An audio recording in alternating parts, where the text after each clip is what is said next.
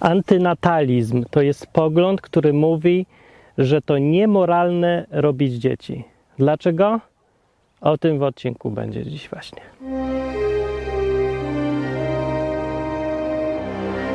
Odwyk o Bogu po ludzku.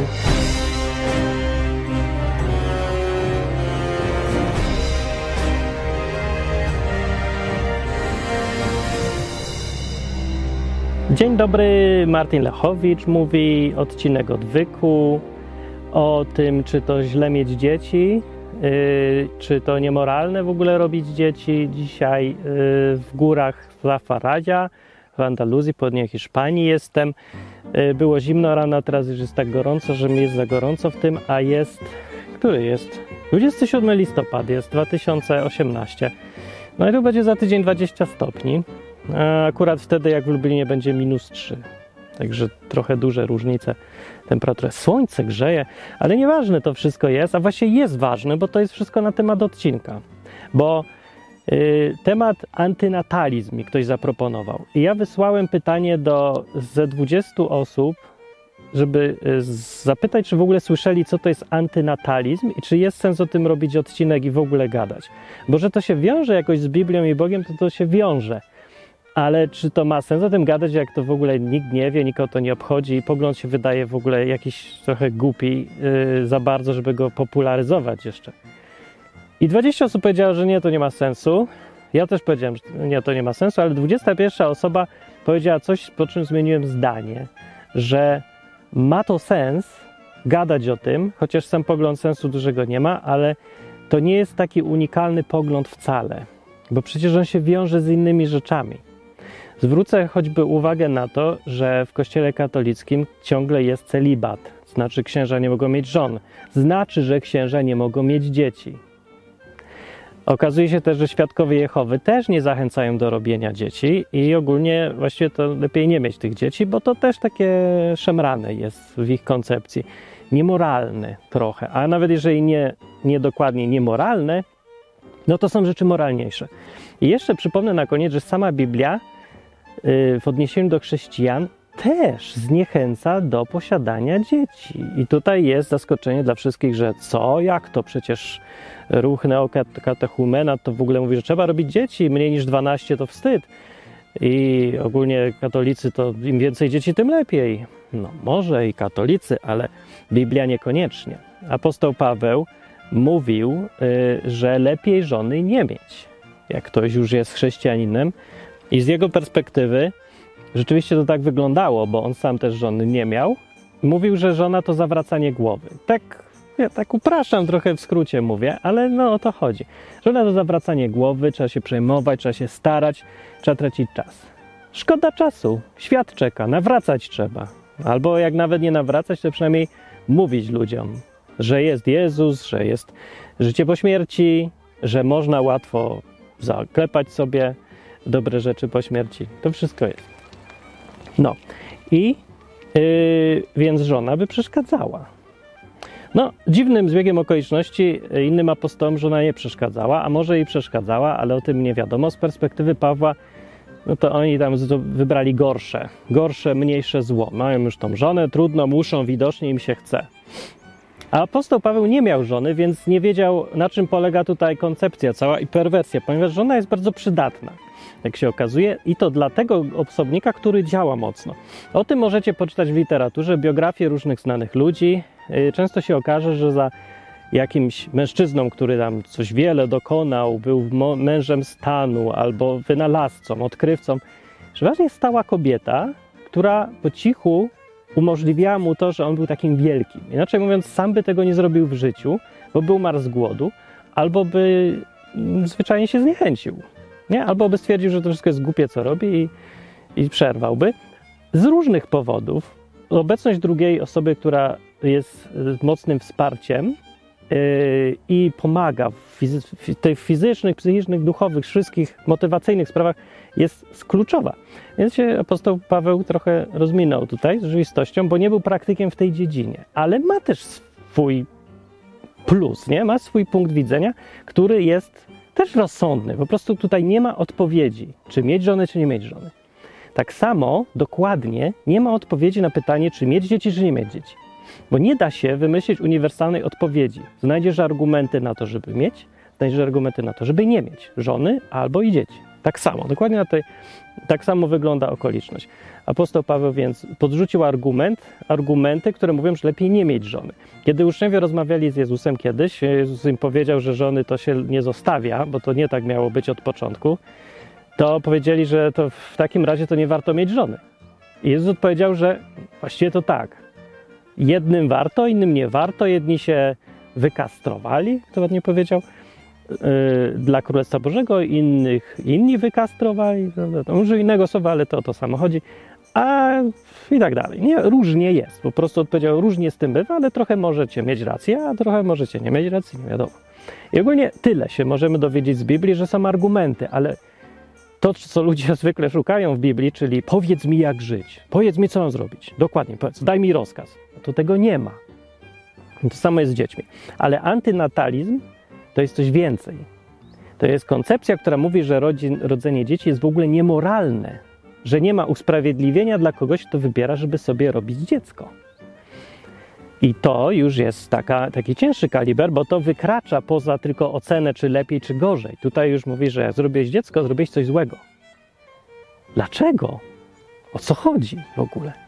No i to jest właśnie dobre pytanie, i w tym odcinku o tym mówię.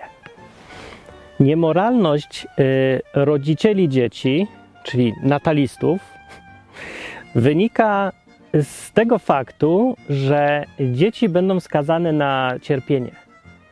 Więc robiąc dziecko, powołując byt do życia, istotę świadomą i cierpiącą też często, no jesteśmy odpowiedzialni za to, że to dziecko będzie cierpieć. Będzie cierpieć, na końcu umrze.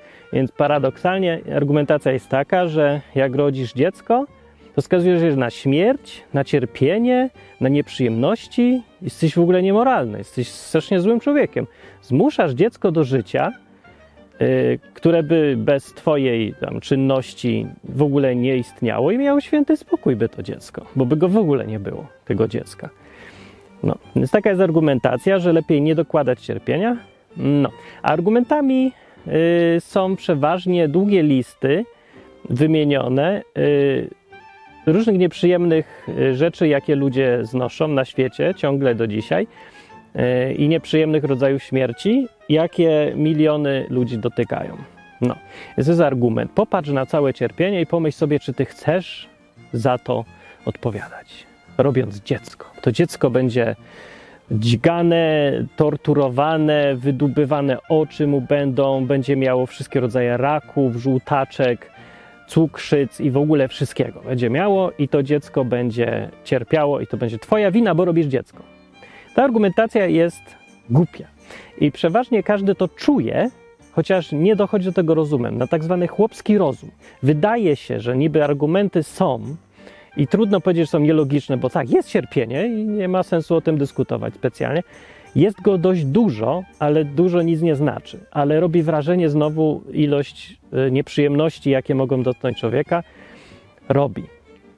No i e, człowiek też nie chce się czuć kompletnym idiotą, który zakłada, że wszyscy żyją w raju, tylko dlatego, że mu jest akurat dobrze, nic go nie boli, mieszka w Europie, jest bogaty. No, jak człowiek uświadomi, że na świecie ludzie są niebogaci, nie mieszkają w Europie, nie są bezpieczni i dookoła może być wojna, przemoc, mafie, e, wymuszenia i ogólnie różne takie przyjemności, które jedni ludzie fundują drugim. No więc jak sobie człowiek wyobrazi, że na świecie jest coś innego, to wtedy czuje się taki bardziej świadomy, że ma łączność z ludzkością, odpowiedzialny za całą ludzkość, więc że jestem odpowiedzialny za całą ludzkość, a nie jestem takim tu tępym konsumentem z Europy, no to muszę nie robić dzieci. Bo odpowiadam za to, że dziecku będzie źle. Co jest absurdalne, bo ten gość, który robi dziecko, no właśnie będzie, robiłby wszystko, żeby właśnie żyło też w tym raju, w którym on żyje, więc trochę bez sensu. To nie jest tak, że rodzisz dziecko i ono teleportuje się po urodzeniu w sam środek Afryki, gdzie trwa akurat wojna i będzie umierało z głodu. Nie, to jest paradoks i to jest ta głupota mniej więcej, którą ludzie wyczuwają na chłopski rozum, że przychodzi sobie filozof, który po obiedzie za 75 e, euro, który kupił w restauracji pięciogwiazdkowej na środku stolicy, prawda, bogatego kraju idzie pisać wypracowanie o tym, jak innym ludziom jest źle. I w związku z tym dochodzi do wniosku na koniec, że lepiej nie robić dzieci, bo im będzie źle. Po czym idzie na kolację, którą płaci 50 euro, kupuje szampana, yy, idzie sobie z, yy, prawda, z, na panienki i powiem, że co tam jeszcze robi, a potem rano znowu od początku swoją wielką i doniosłą pracę zaczyna. Więc ogólnie, jak sobie człowiek wyobrazi, że kto to pisze, nie, te filozofie, no to, no jak się robi, mm, coś tu nie gra, nie. No, jak sobie poczytacie, kto jest yy, zwolennikiem albo promotorem tego antynatalizmu, no zauważycie, że to nie są jacyś znowu biedni ludzie z dalekich krajów, tylko sami Europejczycy, Amerykanie, bogaci ludzie, którzy przeważnie żyją dlatego, bo im inni płacą, albo system im płaci, albo państwo, albo rodzina bogata, albo dziedziczyli majątki, albo wszystko jedno. Nie, ogólnie ludzie, którym jest dobrze, piszą o tym, że to niemoralne robić dzieci, bo im jest źle. Więc no już dlatego nie chciałem robić tego odcinka, bo o czym tu jest gadać? No wystarczy zwrócić uwagę na takie bezsensy tego wszystkiego. Bo teraz, jeżeli się skoncentrujemy na logicznej argumentacji, to możemy tutaj ugrząść i rzeczywiście dochodzić do wniosku, że może to być niemoralne robić dzieci. A też przytoczyłem przykłady, że apostoł Paweł też trochę zniechęcał. Jednak mówisz, że no niekoniecznie mamy robić dzieci, E, świadkowie Jehowy tak robią, księża katolicy tak robią i jest sporo innych grup wyznaniowych, kościołów, filozofii, gdzie taki podobny pogląd można spotkać. Tak samo filozofie wschodu różne mówią, że nie warto mnożyć cierpienia. No, ale dokładniejszą argumentację, jak się przeczyta, to tutaj widać, że chodzi o coś innego. I tutaj do tego punktu dążę właśnie w tym, co chcę powiedzieć. Bo jest tutaj jeden sens, jedno odkrycie, które może pozwoli nam zrozumieć problem, gdzie tu naprawdę jest problem, dlaczego ludzie takie filozofie wymyślają, skąd się to bierze. Bo dla mnie to jest najbardziej interesujące, że najbardziej naturalna rzecz by się wydawało, czyli jakaś naturalna w człowieku chęć posiadania potomstwa. To jest tak naturalne, jak chęć tego, że chcesz mieć żonę, albo że chcesz zjeść dobre rzeczy, albo zbudować dom sobie. To są zupełnie naturalne rzeczy, nie trzeba ich argumentować, ale można, ale po co? No to po prostu człowiek sam siebie chce. Tak jest jakoś skonstruowana nasza natura, że chcemy mieć te dzieci i tyle. I po co się zastanawiać dlaczego? Chce mi się to robię. No, sprowadza nas to z drugiej strony do takiego zwierzęcia, które no, robi, bo mu się chce i koniec. A my jesteśmy istotami rozumnymi. Chcielibyśmy, przynajmniej niektórzy z nas, wiedzieć, co my robimy i dlaczego my to w ogóle robimy. Bo jesteśmy, no, każdy jest czymś więcej niż tylko zwierzem. I właśnie tu się rozmija to, co mówię, z argumentacją wszystkich filozofii, które argumentują, że robienie dzieci jest złe. Tutaj jest jedno założenie, w którym różni się to, co powiedziałem, od tego, co się powszechnie zakłada. Bo powiedziałem, że człowiek nie jest zwierzęciem. We wszystkich tych filozofiach, we wszystkich tych argumentacjach znajdziecie gdzieś jako podstawę wszystkiego argument, że owszem, człowiek jest zwierzęciem i należy go rozpatrywać z punktu widzenia organizmu fizycznego po prostu. I właściwie na tym koniec. Ale nie na tym koniec trochę, bo na ten organizm fizyczny jest nałożone paradoksalnie y, spostrzeżenie, że człowiek ma świadomość jednak. I tutaj jest właśnie następna nielogiczność w tych wszystkich filozofiach, bo jest, jacyś filozofowie argumentują, że człowiek to jest zwierzę, które wyewoluowało za bardzo i ma jakąś świadomość i to cierpienie, które czuje, jest przez to takie potworne, bo egzystencja człowieka, która jest pełno tam jest po drodze cierpienia, a na końcu śmierci, przeważnie nieprzyjemna, yy, ta egzystencja dotyka dużo bardziej istoty świadomym niż jakiegoś tam mrówkojada, albo innego robala. Robal to se umrze i tyle. Pies się pomęczy, to jest nieprzyjemne czy coś, ale człowiek to przeżywa świadomie i to już jest potworność, jest straszna. W związku z tym tę potworność trzeba zlikwidować i ponieważ, e, i tutaj są różne już koncepcje, ponieważ człowiek jest zły jako gatunek, trzeba go zlikwidować na przykład. Albo nie można skazywać e, człowieka y, ludzi w ogóle na cierpienia, śmierci w ogóle, bo to też jest złe i niemoralne też, z powodu właśnie tej świadomości, że za bardzo wyewoluował. Albo, że na przykład człowiek tak niszczy zwierzęta i inne gatunki, morduje kury i krowy i robi z nich wszystkich hamburgery i kotlety, no to też robi źle i trzeba to skończyć i najlepiej będzie, jak się zlikwiduje cały gatunek, a najlepiej zlikwidować gatunek po prostu nie robiąc dzieci. Taka lekka eutanazja, można powiedzieć. I już. No i tutaj są różne te argumenty, ale one krążą ciągle cały czas wokół jednego. Raz, że jest ta koncepcja, że człowiek jest niczym więcej niż jakimś organizmem, który wyewoluował sobie trochę więcej niż y, przeciętna kura. E, po drugie, jest też założenie, że człowiek cierpi i ta świadomość, którą mamy, e, ten byt, to, ten element, który według Biblii to jest po prostu element duchowy. Jesteśmy istotami, bytami świadomymi, rozumnymi, jak to sobie tam kto nazwie, duchowymi, można powiedzieć. No to oni też to zauważają, bo trudno już nie zauważyć, ale nie, nikt tego nie wyjaśnia w tych koncepcjach. Skąd się to wzięło, dlaczego my mamy świadomość, kim my jesteśmy jako byty, czemu my tacy świadomi jesteśmy, czemu ja mogę powiedzieć, że jestem ja, ja mam decyzję, mam wolę, ja mam świadomość, to po prostu tak jest o i trudno, wyewoluowało sobie. Nikt się na tym nie rozwodzi, jakby to było nieistotne. No właśnie, to jest niestety jest istotne. Coś mi się zdaje, bo z tego właśnie powodu, jak człowiek zauważa, że myślę, więc jestem, nie? ktoś powiedział sobie filozof, i tak mówili ludzie od początku istnienia ludzkości, podejrzewam, chociaż wtedy nie byłem, nie wiem, ale z literatury różnej tak wynika, i szukali powodu swojego istnienia i zazwyczaj, właściwie to zawsze, dochodzili do jakiegoś Boga, do czegoś tam dalej. Ten Bóg mógł być osobą albo energią, ale kimś tam, czymś tam, gdzieś tam więcej, wyżej. I no to jest dość oczywiste, bo nie ma innego wytłumaczenia faktu, że istniejemy, bo to jest zbyt wszystko celowe, to w jaki sposób ludzie istnieją, że nie jesteśmy sobie nieświadomymi zwierzętami, tylko istniejemy, czujemy to. No, kura tego no, nie ma. Jest organizmem, ale nie ma tego elementu świadomości. No. I, i tutaj y, może być właśnie źródło tego problemu. Skąd się bierz, biorą koncepcje, że lepiej wytłuc gatunek ludzki w ogóle metodą nie robienia więcej dzieci, bo cierpi. Ale zanim jeszcze do tego dojdę, to jeszcze chcę zwrócić jedną uwagę na katastrofalny w ogóle błąd w rozumowaniu. Jest tak oczywisty, że się go nie widzi, bo jest absolutnie oczywisty. To znaczy to, że oprócz cierpienia w życiu są szczęśliwe rzeczy. I to mi się w pale nie mieści, że nikt, kto argumentuje o tych cierpieniach, że lepiej nie rób dzieci, bo będzie cierpiało, nie zauważa, że dziecko będzie też przeżywało przyjemność jedzenia loda.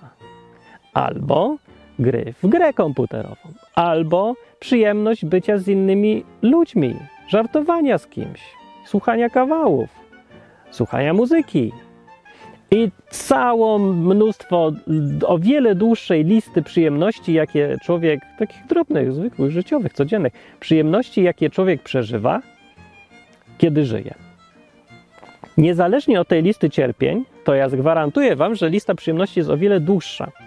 Tylko niestety nie robią takiego wrażenia. Właściwie nie wiem, czy niestety, ale nie robią takiego wrażenia.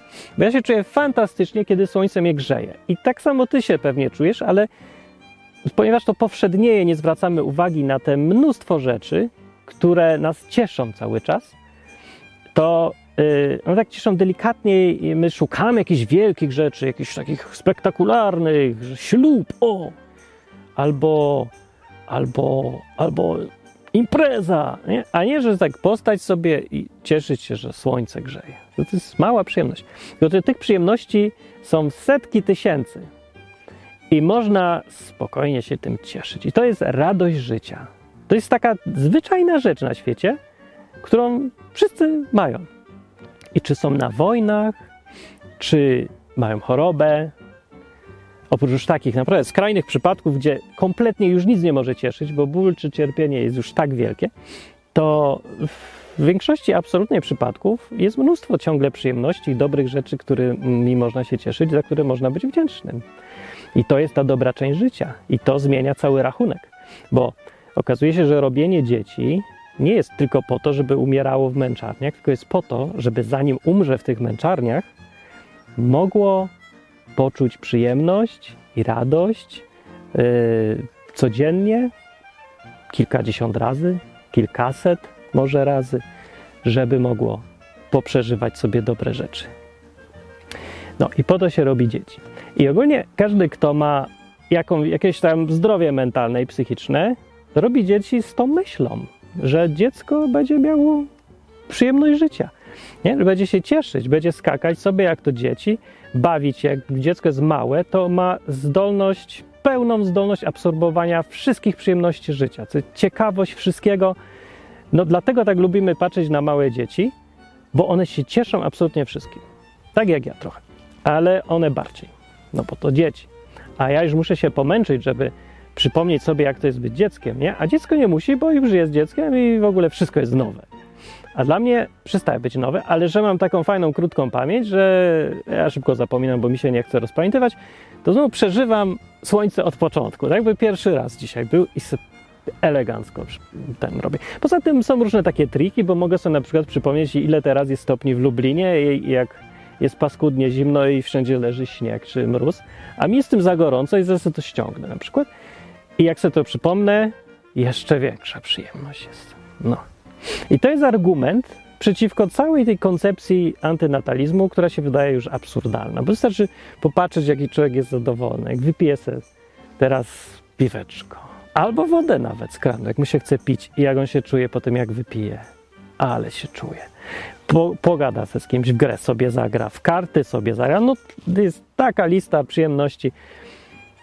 Ale jednak ci ludzie ciągle myślą o cierpieniu i o śmierci, i o umieraniu. Dlaczego? I tutaj znowu drugi tor, który teraz robiłem, niby dygresja, ale wracam do tego samego, do punktu, do którego dąży cały ten odcinek tutaj. Bo ja na przykład mam znajomą Asię, może słucha, cześć Asia, co mieszka w Niemczech teraz i ona też się tak skupia ciągle, jak rozmawia, yy, jak rozmawia, to w rozmowach to takich poważniejszych, ona czuje cierpienie w życiu i i myśli o tych ludziach, co tam cierpią, i głód jest i wszystko, i tak się cierpi. I też sama cierpi i ma depresję i w ogóle nie cieszy się tymi drobnymi rzeczami, którymi ja się ciągle cieszę. Nie? Dzieci się cieszą, a ona nie.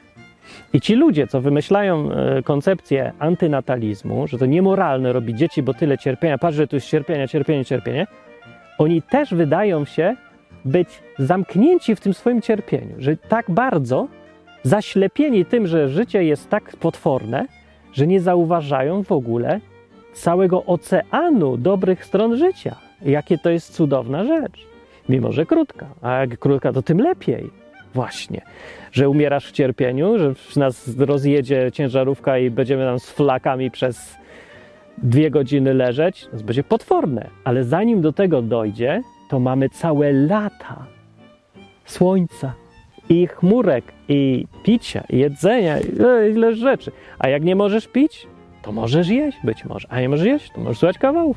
Nie masz oczu, to słuchasz muzyki. No. Mnóstwo ciągle rzeczy jest. I to, że ci brakuje i połowy z tych rzeczy, dalej jest druga połowa. Cała kupa rzeczy. Ale nie potrafią ludzie być szczęśliwi. I to jest sedno problemu całego. I teraz dlaczego? Pytanie.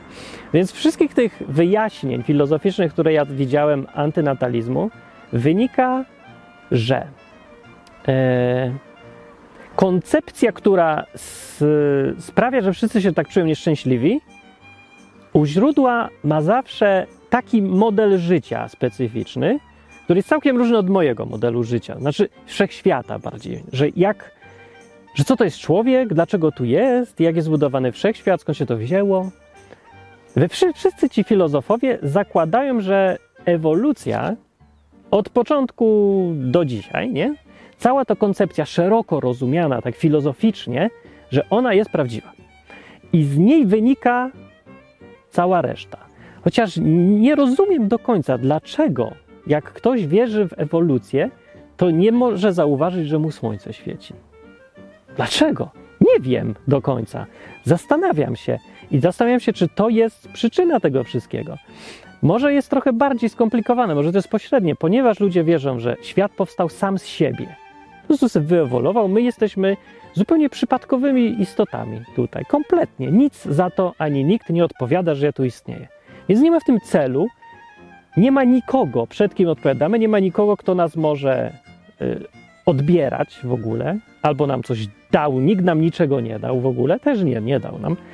W związku z tym, być może częścią tej filozofii, oczywiście ewolucyjnej, uczciwie patrząc na to i logicznie, jest absolutne odrzucenie koncepcji Boga. Nie ma żadnego Boga, bo jest w ogóle niepotrzebny.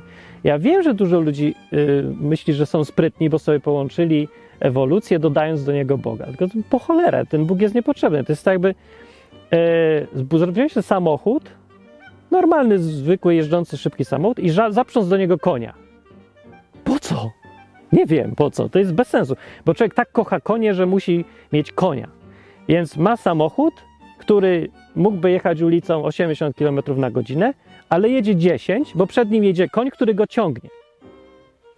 Dlaczego? No bo tak mu żal, że dorożki nie można połączyć z samochodem, a on znalazł sposób, puk, pyk i już jaki ja jestem genialny. Mam samochód z koniem, i to na pewno to będzie najlepsze rozwiązanie optymalne. Dokładnie tak samo wygląda wsadzanie Boga do koncepcji ewolucji. Bez sensu, po co? Sama koncepcja ewolucji się robi idiotyczna, bo jej sednem jest wyjaśnianie, że organizmy takie jak ja powstały bez interwencji jakiejkolwiek, po prostu na mocy samych zasad, jakie obowiązują w naturze. Same se powstały i już.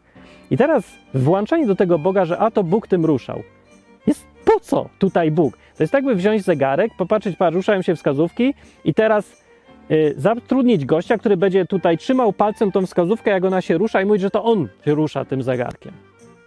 Czy ty zwariował człowieku? Po co ci ten facet, który rusza z zegarkiem? Wywal tego faceta i będzie sensownie wytłumaczone, dlaczego zegarek działa. No tam są sprężyny i tak dalej, a nie dlatego, że ktoś go pcha, bo go nie pcha, tylko udaje. Więc dorzucanie Boga do koncepcji ewolucji jest właśnie jakimś idiotycznym sposobem wsadzania tam Boga, który tylko przeszkadza i do niczego nie służy i udaje, że w ogóle jest Bogiem. Więc to, to nie da się tego zrobić. Sorry. No.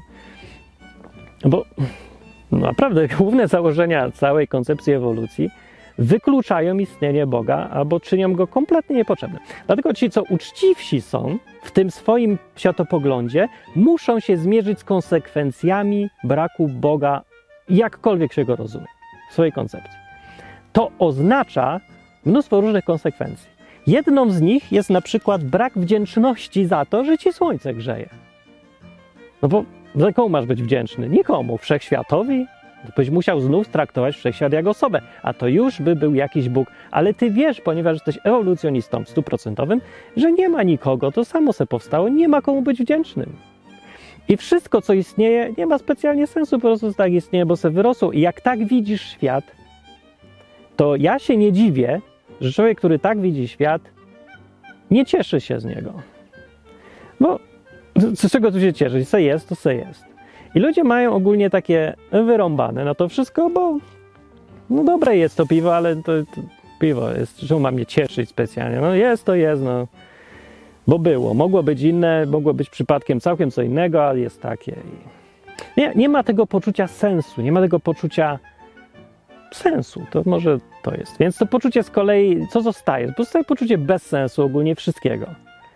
Poczucie nie dość, że bez sensu, znaczy, tak, poczucie bezsensu i w tym poczuciu bezsensu wszystkie negatywne rzeczy, które my słyszymy, stają się istotne, najbardziej istotne, bo właśnie pasują do tego, że jest bez sensu. Najpierw sobie myślisz, wygląda na to, moja koncepcja jest taka, że z tego jak sobie pomyślę, jak to wszystko powstało, skąd się wzięliśmy, widzę, że ogólnie nic nie ma sensu i to jest moja robocza teoria, hipoteza, że nie ma sensu. Sprawdźmy.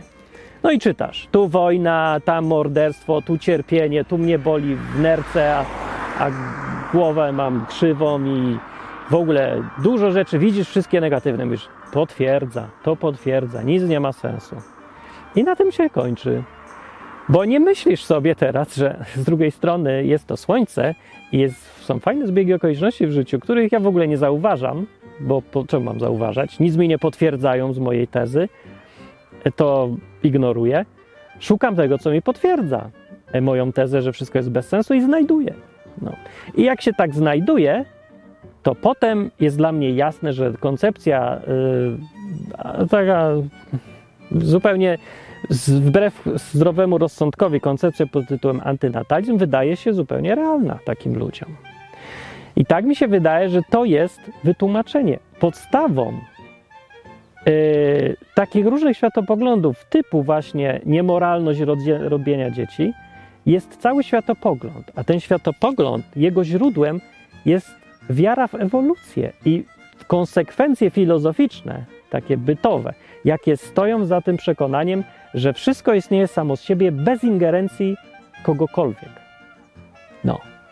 I to oznaczałoby, jeżeli to jest prawda, że najbardziej kluczowym, tym, co możemy zrobić i co byłoby najbardziej skuteczne, żeby ludziom odkręcić to myślenie, no bo chyba nikt nie powie mi, że to jest fajniej spędzone życie, jakkolwiek by nie rozumieć go, że, które się skupia na samych tragediach, cierpieniach i smutkach, życie spędzone w powie w depresji, e, życie, w którym nie można znaleźć partnera. Człowiek z takim podejściem do życia się naprawdę nie nadaje do życia z kimś drugim, nie? Który prawdopodobnie też ma takie same problemy. Więc takie życie no nijak nie jest lepsze od życia, w którym jest kupa radości. Choćby było tyle samo ilościowo cierpienia i dobrych rzeczy i złych, no to jeden człowiek widzi same złe i cały czas cierpi i ma depresję, a drugi człowiek i tak się cieszy, mimo cierpienia, które chce przecierpi, ale te dobre rzeczy są dla niego dobre. Czuje, a że ich jest dużo, bez wmawiania sobie, że cały świat jest super dobry i piękny, bo nie trzeba, po prostu wystarczy zmierzyć, ile jest rzeczy dobrych i złych. I sam tylko realizm, e, takie trzeźwe spojrzenie na wszystko, na całość, pozwoli e, się cieszyć raczej niż martwić, a nawet jeżeli martwić, to gdzieś przy okazji ciesząc się rzeczami, które ciągle są do cieszenia się, nie? W miarę jak ubywa człowiekowi wzroku, zdrowia, wszystkiego, no to ilość tych dobrych rzeczy spada. Ale i tak pod koniec nawet życia jest ciągle mnóstwo takich mnóstwo tego, z czego się cieszyć można. Może się po prostu zmieniają rzeczy, nie mniej się cieszysz, e, że możesz coś zjeść, bo już nie czujesz smaku, ale bardziej się czujesz tym, że masz wnuki i prawnuki i możesz z nimi porozmawiać na przykład. No, więc to się może zmieniać. No. Więc pytanie może zostaje na koniec, e, bo jeżeli mam tutaj rację, że mm, źródłem tych poglądów jest y, mylne przekonanie o tym, albo taka no niemylne przekonanie, tylko mm, poczucie zła, nie, nieszczęścia, tragiczności, bezsensu, które człowiek ma w sobie i przez to zniekształca mu to rzeczywistość. Jeżeli to jest źródłem takich koncepcji, to co jest odpowiedzią na to, na te koncepcje? Co można zrobić? Bo można coś może zrobić. Że człowiek powie, nic nie można zrobić, wszystko jest bez sensu, a rodzenie dzieci jest niemoralne, nie robię dzieci, będę sama, i tak pomogę gatunkowi ludzkiemu, żeby zginął, bo nie zasługuje na to, żeby żyć. No to po, posłuchaj sobie takiej narracji. Ewidentnie za tym coś stoi, to nie jest zdrowe podejście, no. Ani nie jest słuszne rozumowanie jest słuszne, gdyby rzeczywiście życie było tylko cierpieniem, ale nie jest. Nie, nie jest. Absolutnie nie. Zresztą najbardziej oczywistym argumentem tutaj, który można, który można zakończyć każdą dyskusję, jest wziąć tych ludzi, o których się mówi, że tak strasznie cierpią i zapytać, czy są szczęśliwi, popatrzeć, czy są nieszczęśliwi, albo proszę jechać do tych biednych krajów. Po prostu jedźcie do tych krajów, gdzie jest ten głód, cierpienie, wojny czy coś. E, no tam, gdzie są wojny i, i coś, to, to faktycznie, to tam będzie życie w ciągłym strachu, to nie idzie czerpać żadnej przyjemności. A więc takie rzeczy też znajdziecie. Ale znajdziecie w przeciętnym życiu, w biedzie ogólnie, w braku możliwości czy coś. Znajdziecie ludzi i ci ludzie będą i tak szczęśliwsi niż ci bogaci i zdrowi w Europie. No są, nie? No, dlaczego są? To jest bardzo dobre pytanie i takie pytanie sobie należy zadawać. Dlaczego ludzie w Europie są tak nieszczęśliwi, pełni depresji, a ludzie w o wiele biedniejszych miejscach są dużo bardziej zadowoleni i szczęśliwsi i nie wymyślają, że nie można robić dzieci. Zresztą zobaczcie, gdzie ludzie nie robią dzieci. E, to będzie widać, będzie jasne, gdzie ludzie naprawdę uważają, że, że nie róbmy dzieci, bo cierpią, a gdzie ludzie uważają, że róbmy dzieci, bo może fajnie, żeby se pożyły trochę, nie? To jakoś w tych krajach, gdzie jest to cierpienie, głód i wojny, to tam ludzie jakoś nie widzą problemu z tym, że nie róbmy dzieci, bo ich będziemy skazywać na same najgorsze rzeczy. No chociaż wiedzą, że nie będzie miał łatwo dziecko. No ale wątpię, żeby ci ludzie byli totalnymi sadystami. Wiedzieli, że robimy dzieci, bo chcemy, żeby się cierpiały, a całe życie będą cierpienia. Róbmy, dokładajmy cierpienia do świata. To jest zemsta nasza, że my tak cierpimy, niech inni też cierpią. Zróbmy sobie dzieci, niech cierpią. Serio? Kto tak myśli? Gdzie tak to myśli? Nikt tak nigdzie nie myśli. Dobra, więc co można zrobić? Co jest odpowiedzią na ten cały problem? E, oczywistą odpowiedzią wydaje się wdawać się w te rozmowy filozoficzne na temat, e, czy rzeczywiście no, jest to cierpienie, czy go nie ma, czy może się opłaca robić dzieci, czy nie opłaca. Ja uważam, nie ma to żadnego sensu, bo to nie jest prawdziwy problem. Bo te koncepcje wydają się jakieś pociągające, zachęcające dla ludzi, chociaż chyba mało znane ciągle, ale myślę, że mogą być. E, z powodów światopoglądu, jaki wcześniej mają. Dlaczego świadkowie Jehowy mówią podobno? Nie sprawdziłem tego do końca, ale mówią, że no, dzieci nie trzeba robić dzieci więcej, bo wiadomo, czy to dziecko się nawróci, czy nie nawróci, czy co. Statystyki mówią, że raczej nie, więc może lepiej nie. Z kolei jak jacyś e, katolicy ogólni protestanci mówią, o, róbmy dzieci, róbmy dzieci, więcej tym lepiej. Będziemy ich bombardować historyjkami biblijnymi, żeby nas samo słowo Bóg od razu tam czuło imperatyw, że musi się nawrócić, chodzić do kościoła i że w ogóle to jest dobre. Więc ogólnie takim piorą mózgi, że większość z tych dzieci idzie do kościoła. Oczywiście to pranie mózgów wylatuje gdzieś tam w wieku po 15 lat i większość z tych dzieci albo ma to w dupie i udaje, albo nie ma to, ma to w dupie i nie udaje, i wychodzi z domu, ucieka, potem robi bydło i dopiero potem, jak trochę pożyje, to czasem się zdecyduje naprawdę wybrać Boga, a czasem zostaje gdzieś tam w świecie i tyle. Ogólnie nie działa to specjalnie, robienie dzieci po to, żeby yy, było więcej chrześcijan, bo, bo, to nie są chrześcijanie, no mówię, to jest ściema, tylko i jak się popatrzy na yy, nie tak na, no, na krótki dystans, tylko na długi, no to tak średnio działa. No może z drugiej strony daje się większą szansę dziecku na to, żeby poznało Boga i jakieś było szczęśliwe, bo znaczy to nie jest taka, że gwarancja na nic, ale ma więcej możliwości, bo ma rodziców, którzy są wiem, nawróceni, czy jak to chce kto nazwać, i ogólnie są szczęśliwsi i tak dalej. E, więc Znowu argument, czy lepiej robić dzieci, czy nie lepiej nie robić dzieci, jest kwestią indywidualną oceny, prawdopodobieństwa czy coś. Ale antynatalizm, jeszcze raz przypomnę, zakłada, że to w ogóle jest niemoralne zawsze robić dzieci z powodów takich ogólnych, ogólnoludzkich, a nie, że lepiej robić, lepiej nie robić. No wiem, ale że ludzie mają, mówię, tylko w różnych grupach różne wytyczne. I te wytyczne w ogóle co do robienia dzieci się zawsze biorą z jakiegoś światopoglądu. Głębszego niż tylko taka argumentacja co do samych dzieci. Ten światopogląd ogólniejszy yy, odpowiada na pytanie, skąd się ludzie wzięli, po co ludzie istnieją. I to jest prawdziwa dyskusja. Tutaj jest prawdziwy problem. Bo kiedy człowiek zmieni zdanie, że tak, yy, jednak jest jakiś Bóg, który odpowiada za stworzenie wszystkiego, i ten Bóg dał ludziom dużo dobrych rzeczy i ten Bóg ogólnie też jest dobry, a że są w życiu złe rzeczy, to jest konsekwencja czegoś i nieunikniona konieczność. Tak jest po prostu skonstruowana. Świat, wszechświat, w którym żyjemy, nie da się tego uniknąć i tyle. Ale Bóg jest, który jest ogólnie dobry, ma dobre intencje, ma dobre chęci, ma możliwości też pomagać. Więc w takiej świadomości, kiedy człowiek żyje, niezależnie od tego, czy to prawda, czy nie, ta świadomość sprawia, że będzie żył szczęśliwiej.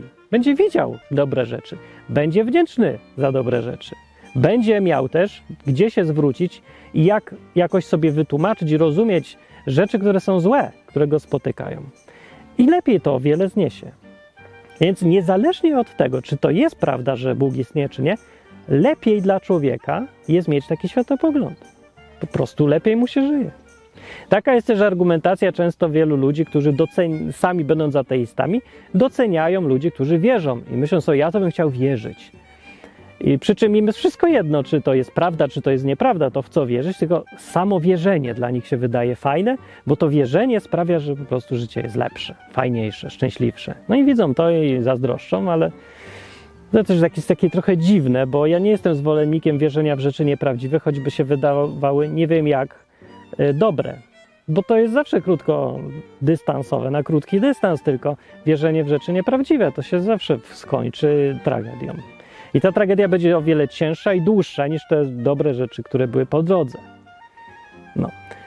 Yy, no, może, może ja wiem, może czasem są jakieś inne wypadki, ale zwykle, no nie, nie jestem zwolennikiem.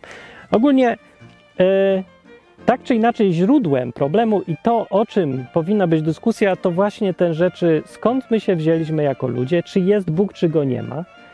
I najbardziej e, destrukcyjną koncepcją, jaka istnieje, która właśnie bardzo pośrednio, ale to ona jest źródłem tego zła, że ludzie tak strasznie cierpią i mówią, żeby aż dzieci nie robić z tego cierpienia, to jest koncepcja ewolucji. Tym wydaje się, że co to ma piernik do wiatraka? No ma, bo ewolucja, ja nie mówię tu tylko o koncepcji, że wyjaśnijmy skąd się wzięła ta roślinka, co tu leży, tylko zmienia to znaczenie istnienia samego mnie. Nie? Kiedy ja uważam, że ta roślinka to sobie tak zrobiła się, to ma też konsekwencje dla mojego światopoglądu, bardzo daleko idące, jak widać właśnie na tym przykładzie antynatalizmu. Z kolei, kiedy ja wiem, że jakoś tam se rzeczywiście rzeczy działają w organizmach, yy, wiele rzeczy działa zupełnie naturalnie, nie trzeba do tego nic tłumaczyć, ale nie sposób wytłumaczyć samego faktu istnienia tylu tak zorganizowanych i tak skomplikowanych form życia. Nie da się tego wyjaśnić bez ingerencji ponadnaturalnej, a może i naturalnej, ale intelektu celowego działania. Inaczej mówiąc, musiał istnieć projektant, ktoś, kto odpowiada za istnienie dzisiaj tylu skomplikowanych niesłychanie maszyn biologicznych, jak na przykład ja. No, już nawet nie wnikam o sam fakt wytłumaczenia, skąd fenomen świadomości, skąd ta cała duchowość, ta, yy, ta sfera człowieka, której nie da się wytłumaczyć światem fizycznym, materią ani energią, tylko jest poza czymś, jak cały intelekt, informacje. To wszystko jest. No, intelekt to nie, bo to też może być część mózgu. Tak można zrobić komputer, który coś tam analizować potrafi, ale mi o co innego tu chodzi, o tą część duchową. Ale sama ewolucja narobiła tyle katastrofalnych spustoszenia w życiu ludzi, nie? że yy, trudno znaleźć coś ważniejszego do walki. Jeżeli ktoś już musi z czymś walczyć, jakąś filozofią, która szkodzi ludziom, to myślę, że to by był najlepszy cel. O ile, o ile tylko rzeczywiście ktoś faktycznie jest przekonany, że musiał być jakiś projektant. Nie chodzi mi tu o to, żeby teraz znowu wymyślać sobie jakieś daleko idące bajania, mogą być kompletnie nieprawdziwe tylko po to, żeby poprawić jakość życia. Nie. I chodzi o to, żeby dać ludziom informacje. I te informacje zwyczajnie przekonują, że nie sposób wyjaśnić e, istnienia e, skomplikowanych organizmów bez kogoś, kto to zaprojektował. I tyle. To nie, że ja sobie wmawiam to. Mi to mówią fakty i mówią to, krzyczą po prostu. Mówią tak jasno i oczy, w oczywisty sposób, o tym, że jest, jestem trochę przerażony, do jakiego stopnia ludzie mogą religijnie wierzyć w różne rzeczy, że nie zwracać w ogóle uwagę na fakty. W obie strony to działa. Ja tu nie jestem fanatycznym e, antyewolucjonistą, bo wiele, a powiem nawet większość koncepcji, które są e, w tym paradygmacie ewolucji, ja uważam, że są jak najbardziej słuszne i prawdziwe, przekonujące mnie. Tylko te fundamentalne najbardziej są kompletnie nieprawdziwe. No to akurat to są te bardziej też filozoficzne rzeczy. No. Więc wychodzi na to, że są podstawą wszystkiego. Szczęścia i nieszczęścia, różnicę między szczęściem i nieszczęściem, między y, widzeniem niemoralności w rodzeniu dzieci, a y, widzeniem tak, że można robić, można nie robić, między tym, że dostrzegasz, że cię słońce grzeje i to jest przyjemne, a tym, że widzisz same tragedie na świecie. Różnica między tymi dwoma sposobami życia. To się wydaje takie dwie przepastnie odległe od siebie e, postawy. I trudno znaleźć coś też po środku. Przeważnie jest albo tu, albo tu. No gdzieś tam, gdzieś tam jest, ale tutaj jest w środku dość mało. Przeważnie gdzieś tu w skrajnych obszarach. To to wszystko jest e, fundamentalnie oparte na odpowiedzi na pytanie, czy jest Bóg w realnym świecie, czy nie. Czy akceptuję, czy widzę to, że ten świat, za nim stoi istota rozumna. Nie wnikam tu w szczegóły, nawet już nie mówię o tym, że to jest ten Bóg z Biblii, tylko że w ogóle jest, że ktoś o to, za to odpowiada. Z tego wynikają y, dwa kierunki, w których się idzie potem. Jeden idzie w tę stronę wdzięczności, Y, sensu w życiu, odkrywania tego sensu, nie? Widzenia rzeczy dobrych różnych. No i tak dalej. I druga strona, która jest, y, wydaje się, że idzie w dół. W stronę bezsensu, depresji, wymyślania sobie jakiegoś namiastki sensu życia w różnych filozofiach, ideologiach czy czymś, tworzenia dziwnego raju na ziemi po swojemu. Nie, że zostaliśmy sami, jestem sam, mogę robić co chcę. I zaczynam wymyślać dziwne rzeczy, absurdalne często nawet. Dlaczego? No bo jakoś to jest tak bardzo niezgodne z naturą człowieka, wydaje mi się, że człowiek musi z czymś zastąpić to, co sobie właśnie wykastrował. Wykastrował sobie, bo uwierzył w nieprawdę. Nieprawdę, że ten świat jest losowym zbitkiem chaotycznych rzeczy. Tak wygląda to? Może te góry trochę.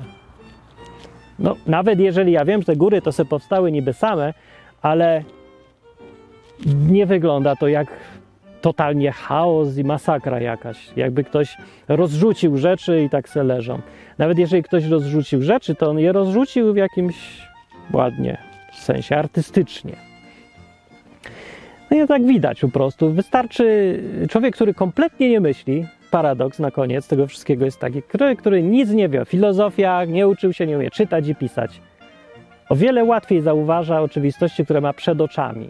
Czyli wszystkie ewidentne ślady sensu projektu w tym wszystkim, powodu istnienia, celu, tak samo znaczenia śmierci i życia, i cierpienia, i dobrych rzeczy też. Gdzieś tam za tym ktoś tam stoi i samo tylko to jedno przekonanie zmienia całe postrzeganie świata i, y, i to jest o wiele lepszą odpowiedzią na antynatalizm niż y, no, filozofowanie sobie dalej. Po prostu człowiek przestanie filozofować, kiedy nagle zobaczy, że dzieci są fajne i dzieci się cieszą. I cała ta argumentacja, którą wiedział, ona się wie, że dalej jest niby tak samo logicznie wygląda, ale ona się wydaje zwyczajnie głupia. I już. I tyle. Wiem co, jest takie kuszące dla człowieka, który lubi myśleć, rozumem dochodzić do rzeczy, znać prawdę też, lubi bardzo, dochodzić do tej prawdy. Jest dla niego kuszące, żeby wszystko traktować w ten sposób, że dowód, muszę mieć dowód, muszę mieć dowód. Argument pod tytułem intuicja mi podpowiada, na wyczucie to widzę, albo przeżyłem coś, albo tak mi się to klei. Takie argumenty yy, gryzą strasznie. Ja bym chciał mieć dowód, dowód, dowód, fakty, liczby. A nie, że no, intuicja. No dobra, niby widzę intuicyjnie, no te góry to są, no góry, no robią wrażenie te góry. Ale no to nie jest dowód. A ja chcę dowód. Nie będziesz miał dowodu. No może będziesz miał, nie wiem. Ale czy to serio musi być prawdą tylko to, na co możesz znaleźć dowód albo go sformułować? Nie musi. Rzeczy, do których się dochodzi bezmyślnie, mogą być równie prawdziwe jak rzeczy, których się dochodzi myślnie. Ale najlepiej połączyć te rzeczy. Gdzie się da używać rozumu, zawsze go używać. Rozum, jak nic innego, daje e, gwarancję, może nie gwarancję, ale bardzo duże prawdopodobieństwo, że nie będziemy wierzyć w kompletne głupoty nieprawdziwe. Ale gwarancji nie ma, bo rozum może prowadzić w bardzo dziwne strony. Dlatego, że nie mamy informacji, nie mamy całości nigdy. E, informacji dotyczących różnych rzeczy. No, matematyka może być tylko taką dziedziną, w której zawsze się w 100% da wszystko, coś dowieść dowodem. Tylko, że matematyka nie istnieje, to jest abstrakt, to jest abstrakcyjna rzecz. Jest tylko nauka o liczbach. Ale w świecie realnym, sorry ludzie, moi koledzy po mózgu, rozumni, nie mamy wyjścia trochę i musimy się pogodzić z faktem, że niektóre rzeczy musimy na intuicję trochę, na ocenę sytuacji. Tak, ci pasuje, czy nie pasuje, wygląda na prawdziwe, nie wygląda na prawdziwe. Musimy ryzykować i będziemy musieli, to jest nie do uniknięcia, ale to już mi jest gorąco. Idę do domu. Dzięki za słuchanie o antynatalizmie. E, jestem ciekaw, czy się zgadzacie ze mną z tą koncepcją, że mm, cały światopogląd oparty na ewolucjonizmie, na koncepcji, że świat powstał sam z siebie, nie? że to jest tak istotna rzecz, czy nie jest. Czy może gdzieś indziej są powody, że jedni ludzie widzą wszystko zło i nie chcą masz robić dzieci z tego powodu, a inni ludzie nie mają problemu z robieniem dzieci, chociaż wcale nie zaprzeczają, że jest pełno cierpienia na świecie. Skąd się bierze ta różnica? Czy jedni są głupi, a drudzy są mądrzy? Jedni nie przemyśleli czegoś, a drudzy przemyśleli? Czy co? No nie, mi się zdaje, że za tym właśnie stoi światopogląd, cały światopogląd, a jego fundamentem jest y, przekonanie, że świat mógł powstać sam z siebie naturalistycznie, bez interwencji kogokolwiek. Boga nie ma, bo nie potrzeba. To jest, myślę, źródło tego, y, tych rzeczy. Jeżeli ktoś już z Was stoi na, przed decyzją, czy zaryzykować, żyć według światopoglądu, że wszystko jest se samo powstało, czy jednak przekonuje mnie to, że jest ktoś, kto stworzył to wszystko. Nie wiem kto tam, a może wiem, ale ktoś jednak no, był, na pewno no to zwracam uwagę na to, jakie konsekwencje są jakiego światopoglądu. Nie? Bo to może pokazać, co jest bardziej zgodne z naturą człowieka i co bardziej odpowiada rzeczywistości. Jeżeli wyniki jakiegoś założenia dotyczącego rzeczywistości prowadzą, są lepsze, to prawdopodobnie założenia były prawdziwsze, bliższe rzeczywistości. Jeżeli się założę, że potrafię tutaj robić fikołki na przykład i tak z tym sposobem dojść do domu i nie dojdę, to prawdopodobnie założenie było złe, nie? Jeżeli dojdę szybciej biegnąc nogami niż na przykład idąc na rękach, o to będzie dobry przykład. Jeżeli stwierdziłem, o, w moim światopoglądzie ręce służą do chodzenia, a nogi do grania na gitarze i zacznę tak robić, to efekty mi pokażą, czy moje założenie było zgodne z rzeczywistością. Jeżeli będą dobre, bardzo możliwe, że odkryłem prawdę. Jeżeli będą złe, to pewnie założenie było nieprawdziwe. Nie jest to znowu dowód, ale to się sprawdza. Więc oczywiście doszedłbym na rękach wolniej, dłużej bym namęczyłbym się, a na gitarze nogą się gra bardzo słabo. I już wiem. Więc analogicznie, jeżeli ktoś przyjmuje koncepcję świata, w którym nie ma żadnego projektanta, twórcy ani nic, no to popatrzmy po rezultatach czy jego życie jest fajne, dobre, fajne, tam szczęśliwsze, milsze, jak se radzi w ogóle z tym wszystkim. No, ja jestem zadowolony, także dla mnie jest fenomenalnie się sprawdza założenie, że tak, owszem, był projektant. Więcej powiem, to jest ten, e, tym projektantem jest ten opisany w Biblii. Więcej powiem, Jezus też jest tym, który za kogo się podawał, tym synem tego Boga z Biblii. I jeszcze więcej powiem, dokładnie tak jak mówi Biblia, e, dedykowanie, oddanie swojego życia temu Jezusowi rzeczywiście prowadzi do fantastycznych rezultatów. A co będzie po śmierci, to już się przekonam. Po śmierci to Wam później powiem. E, po tej śmierci, jak się gdzieś tam może spotkamy, jak się nie spotkamy, to może Wam zawołam: Halo, miałem rację, byłeś głupi. Nie, nie zawołam, bo bez sensu. Po co mi z tego będzie? Ja będę fajnie gdzieś, a Ty będziesz gdzieś tam gdzie indziej. Z czego się tu cieszyć? Aha, nie wiem. No może ty do mnie zawołaj, to będzie sensowne. To powiedz miałeś rację, o kurde. No ale to też po co zawołasz? I tak będę wiedział, że mam rację. Ty będziesz wiedział, że mam rację. Lipa straszna będzie, straszna lipa. Mam nadzieję, że nie będzie rozmów telefonicznych między lepszym miejscem a gorszym miejscem, bo o czym tu gadać? No. Okej, okay. dzięki za słuchanie odcinka. Na razie e, mówił Martin Wpadnijcie w czwartek wieczorem o 8 słuchać na żywo, pogadać sobie. Cześć!